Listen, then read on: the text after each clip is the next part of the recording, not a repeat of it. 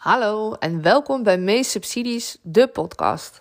Mijn naam is Danielle Ehrenberg en mijn missie is om zoveel mogelijk leerlingen in Nederland het beste onderwijs mogelijk te laten genieten. Heel vaak zijn daar extra gelden voor nodig. En om die reden breng ik jullie door middel van deze podcast op de hoogte van de nieuwste regelingen en subsidies voor het onderwijs.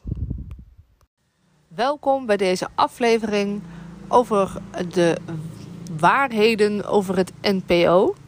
Uh, ik heb gemerkt dat er uh, best wel wat uh, verhalen eronder gaan. Waarvan sommige dingen dat ik weet dat ze niet waar zijn. Ook sommige dingen waarvan ik weet dat ze nog besloten moeten gaan worden. En ook dingen die ik zelf heb gezegd in mijn vorige podcast, die nu niet meer kloppen. Dus ik dacht, ik doe een NPO 2 podcast. En ik ga nog eens een keer het proces met jullie doornemen. En daarna ga ik doornemen wat ik heb gehoord, uh, waar jullie waarschijnlijk wat aan hebben, wat niet waar is en wat wel waar is. Nou, allereerst het proces. Het Nationaal Programma Onderwijs is een uh, investering die er gedaan wordt door het ministerie op verschillende manieren. En eentje daarvan is echt het Nationaal Programma Onderwijs, de harde kern, waar ik het nu over ga hebben. Ik ga het nu niet hebben over de extra regelingen die ook onder het NPO vallen, zoals de examenregelingen en uh, de brede brugklassen en de inhalend ondersteuningssubsidie, tijdvak 4 en tijdvak 5.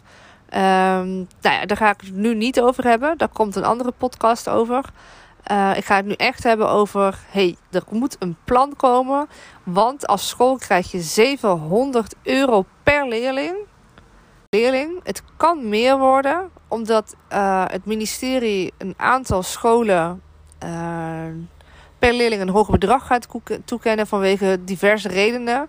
De grootste reden is dat zij in ieder geval denken dat die leerlingen meer achterstand hebben. En dat uh, is volgens hen verklaarbaar door bijvoorbeeld het gebied waar ze vandaan komen of waar ze wonen of uh, andere uh, dingen die van uh, invloed zijn. Ik zou hier heel specifiek op in willen gaan van oh het is dit of oh het is dat. Maar ook ik heb de familie nog niet helemaal gekraakt wat het nu precies is. Ik heb wel meerdere factoren gezien, maar ik kan niet zeggen oh het is dit, dit en dit. Ik krijg namelijk heel vaak dus de vraag van een school die zegt van ja hoe kan het nu zo zijn dat ik minder recht heb op uh, geld en subsidies dan andere scholen. Want ik zit toch in een gemengde wijk. Of want al mijn leerlingen komen uit een uh, armoedeprobleem cumulatiegebied. Zeg maar die postcodes die daarbij horen. Ik zou het gewoon, uh, net zoals jullie, ook niet weten. Zodra ik het weet, komt er een podcast over. Dat beloof ik in ieder geval. Even terug. Ik ga dus het hebben over die 700 euro per leerling die je krijgt. En het proces is als volgt. In eerste instantie komt de schoolscan.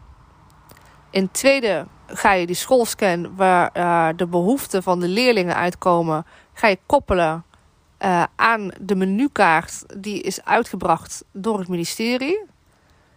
Vervolgens ga je daar een plan op maken. Dat ga je voorleggen aan de MR. De MR, uh, even ervan uitgaande dat de MR het allemaal fantastisch vindt wat je wil gaan doen, stemt mee met jouw plan in. En dan ga je vanaf augustus, september ga je het uitvoeren. Dat is een beetje uh, op hele, hele hoofdlijnen het proces. En uh, de verantwoording gaat in het jaarverslag. Uh, de eerste keer kan het zijn dat je nog niet op alles hebt uitgegeven. Dat is oké. Het tweede jaar moet alles zijn uitgegeven. Want er komt een speciale paragraaf in het jaarverslag waarin je gaat uitleggen wat je met het geld hebt gedaan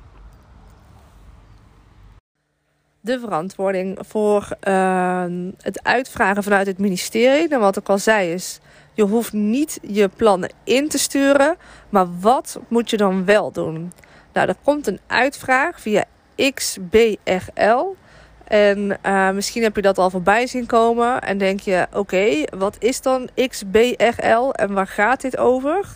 XBRL is niks meer of minder dan gewoon een systeem waarmee wordt uitgevraagd. Um, het is een, um, een bedrijfsmatige manier die ervoor zorgt dat gegevens uh, makkelijk uh, binnenkomen, dat ze gekoppeld kunnen worden aan allerlei software applicaties. En uh, betekende eigenlijk helemaal niks voor jou als school. dat XBRL. Het komt er gewoon op neer. Er komen een aantal vragen naar je toe. De eerste vraag gaat zijn van, goh, heb je een schoolscan uitgevoerd? De tweede vraag zal zijn, heeft de MR ingestemd met het bestedingsplan van de NPO-middelen? En de derde vraag gaat zijn, hey, op welke hoofdlijnen uh, heb jij je interventies gedaan en hoeveel heb je per interventie besteed? Dat zijn de drie vragen waar je antwoord op zou moeten geven. En natuurlijk loop je altijd het risico als je hier te weinig aandacht aan besteedt, dat er meer vragen komen. En ook als je natuurlijk antwoordt: nee, de MR heeft niet ingestemd, maar we hebben het toch gedaan. Ja, daar ga je dan natuurlijk ook vragen over krijgen. Ik zeg niet dat je moet liegen. Dat moet je absoluut niet doen. Alleen, um, nou ja, er zit natuurlijk gewoon oorzaak en gevolg in. Dus denk daar gewoon logisch over na. En uh, zorg er dus voor dat je niet uitgaat van: Goh, wat moet ik nou verantwoorden? Maar dat je uitgaat van: hey, wat heb ik nodig als onderwijsorganisatie om te kunnen sturen op deze middelen? En wat heeft mijn organisatie nodig om naar het volgende niveau te gaan? En met het volgende niveau bedoel ik een schoolorganisatie waarin geen achterstanden zijn, waarin je eventueel nog wat innovatie hebt kunnen doen uh, of eraan hebt kunnen werken. En uh, waarin je op duurzame wijze je personeel hebt ingezet. Want er ligt nogal een risico.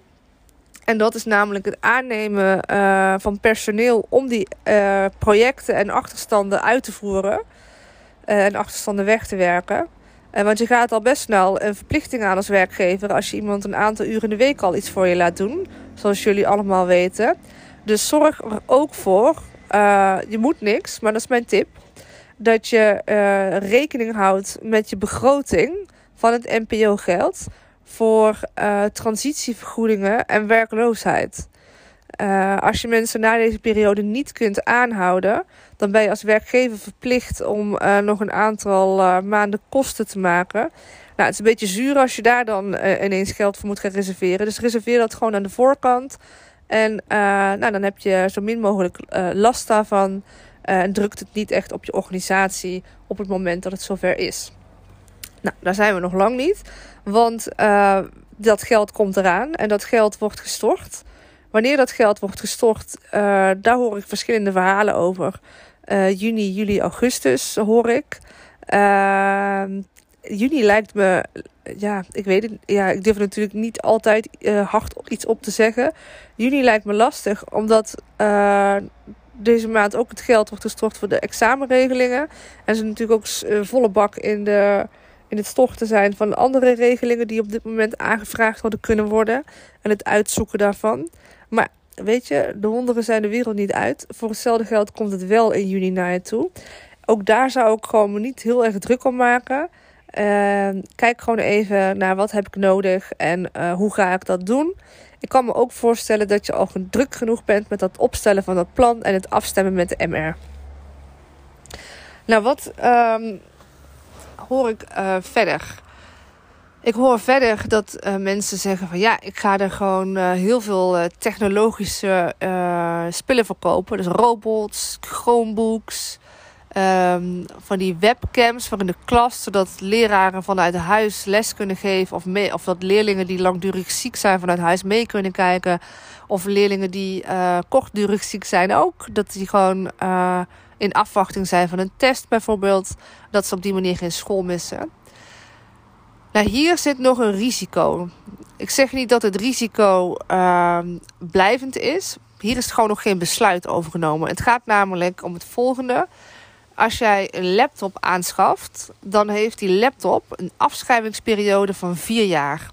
Dat betekent dat als jij een subsidie uh, krijgt of fonds krijgt of extra geld uit de lump sum hiervoor wilt reserveren, daarmee zeggende dat dat het NPO-geld is, dan kun je alleen voor de periode waarvoor dat geld is die afschrijvingskosten betalen.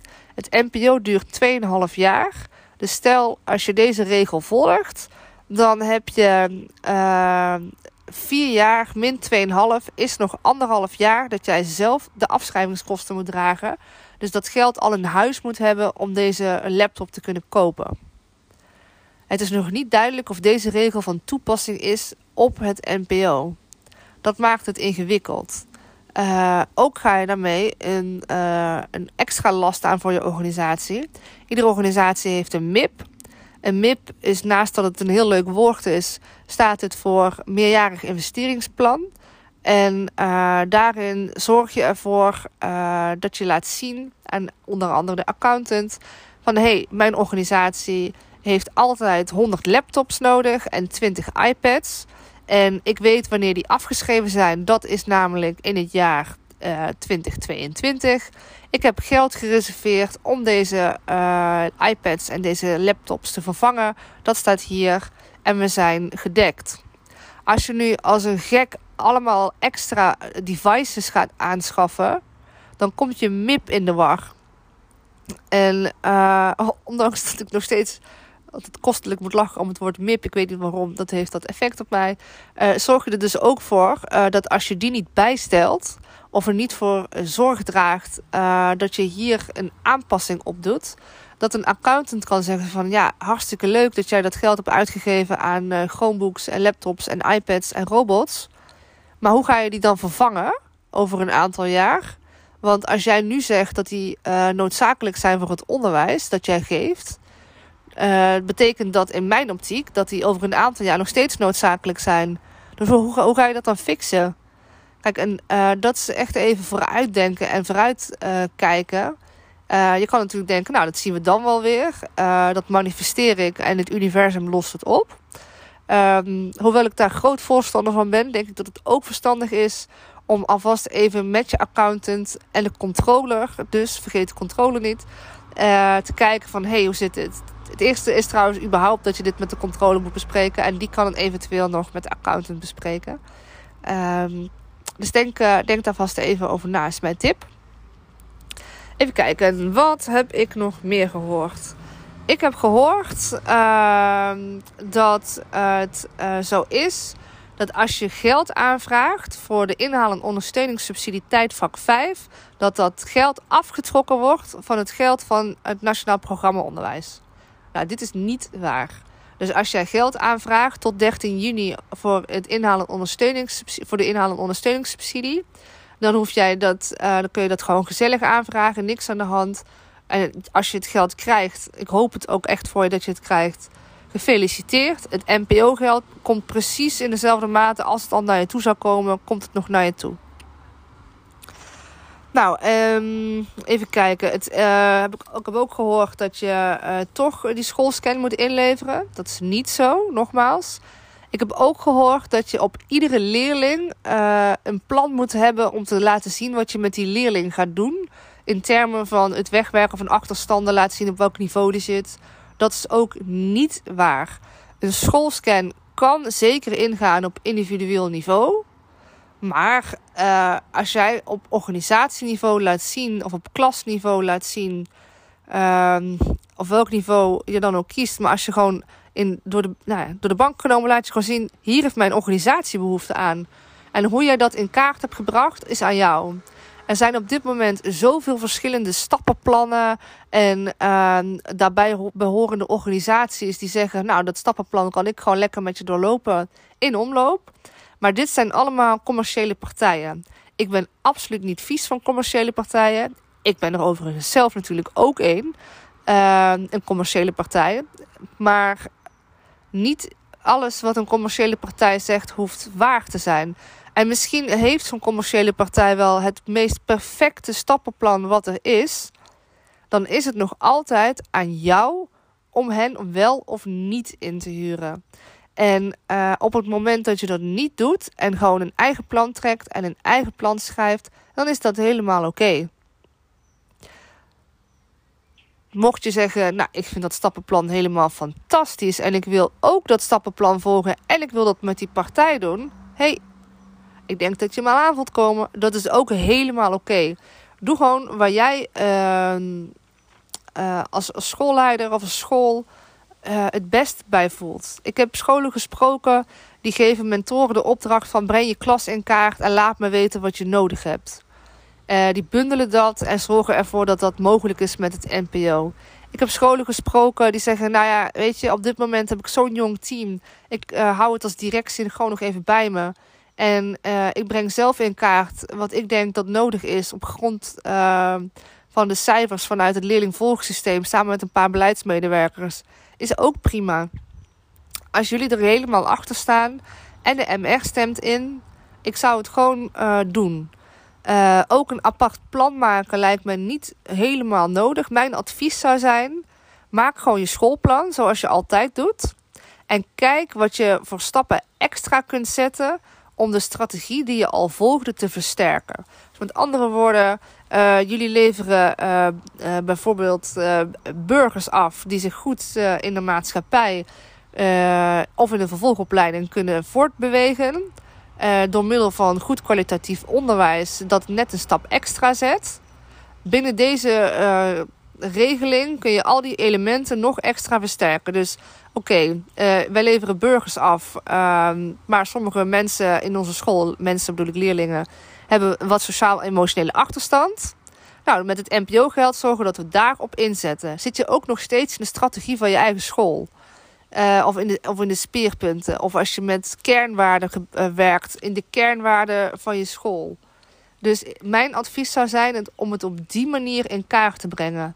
Zo is het niks extra's. Is het uh, versterkend en intensiverend voor wat je al doet. En is het ook heel makkelijk uit te leggen aan je verticale en horizontale verantwoordingspartners. Dat is een fancy manier om te zeggen aan het ministerie, de ouders, je samenwerkingspartners en iedereen waar je het mee doet. De gemeente heb ik trouwens ook nog een paar dingen over te roepen. Ik heb ook gehoord dat mensen zeggen: ja, je moet je plan toezenden aan de gemeente. Ik kan me voorstellen dat de gemeente zegt van... hé, hey, laat jullie plannen zien, want wij moeten daarop aansluiten. Dat moeten ze overigens ook, hè. Want als jij als school besluit dat je ineens heel, heel, heel veel in wil zetten op zorg... dan heb je daar wel de gemeente voor nodig. Uh, dus vanuit die optiek kan ik me voorstellen dat een gemeente een behoefte heeft... om te weten wat er in de plannen staat, omdat dat afgestemd moet worden. Er is echter vanuit het ministerie geen eis dat je die plannen moet delen met de gemeente... Um, een gemeente die kan daarin wel dwingender optreden natuurlijk. Uh, dus maar stem gewoon even af met elkaar. En het is ook een hele logische behoefte die zij hebben. Aangezien zij intern ook wat zaken moeten regelen om daar in, uh, een stap in te zetten. Mijn advies zou ook zijn: neem een samenwerkingsverband mee. Kijk ook even daar wat misschien mogelijk is om op regionaal niveau of op samenwerkingsverbandniveau te fixen met elkaar. Voor hetzelfde geld uh, willen jullie allemaal inzetten op ondersteuning voor hoogbegaafde leerlingen, maar hebben jullie er niet zoveel? Ja, kijk, dan kun je dat misschien bundelen door één organisatie of één expert in te huren die dan al die scholen afgaat. Ik roep maar wat hoor. Um, ik hoop gewoon dat, het, uh, dat de stress een beetje van het NPO afgehaald wordt. En dat je het gewoon ziet als een hele mooie mogelijkheid om uh, de lijn die je al in hebt gezet te versterken.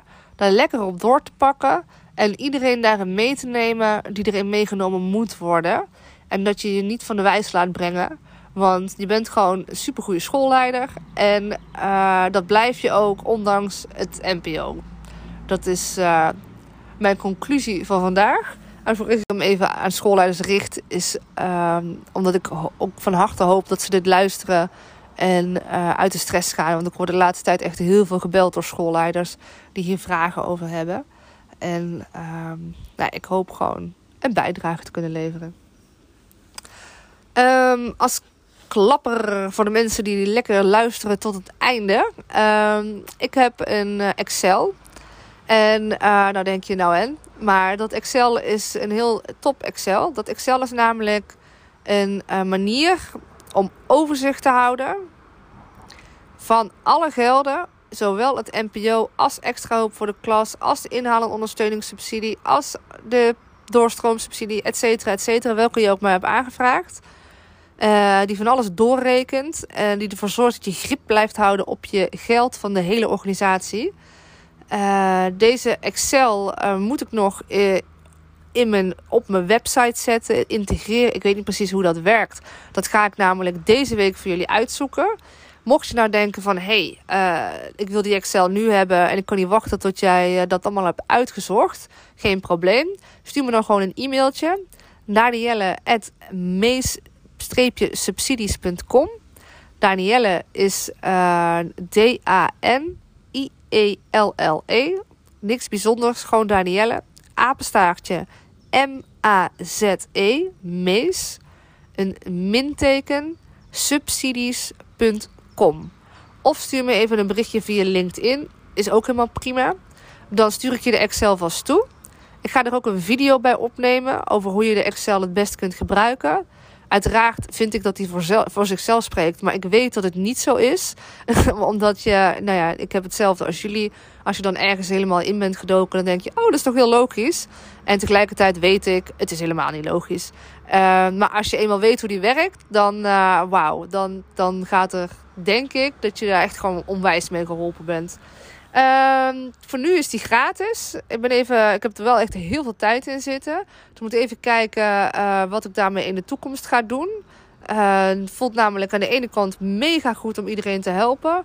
Aan de andere kant uh, kan het natuurlijk niet zo zijn dat ik een hele week aan een Excel besteed. En, uh, en dat dat dan mijn week was. dus daar, ehm, nou ja, goed, dat, dat, zal nooit 100 euro zijn hoor, wees gerust. Maar daar moet ik nog wat mee. Uh, nou ja, dus een proces. Dit is het mijne. Voor nu wens ik jullie in ieder geval een heel, heel fijne dag. Het is heerlijk weer. Ik hoop dat als jullie het luistert, dat het nog steeds heerlijk weer is. En uh, ik ga jullie zien. Bedankt voor het luisteren naar deze aflevering van Meest Subsidies, de podcast. Als je nu zelf een regeling hebt die je graag uitgelegd wil hebben, stuur me dan even een berichtje. Dan maak ik daar ook een aflevering van. Voor nu een hele fijne dag gewenst en ik zie je graag een volgende keer. Je kan je abonneren op deze podcast, zodat jij ook op de hoogte blijft van alle relevante regelingen en subsidies voor jou en je organisatie.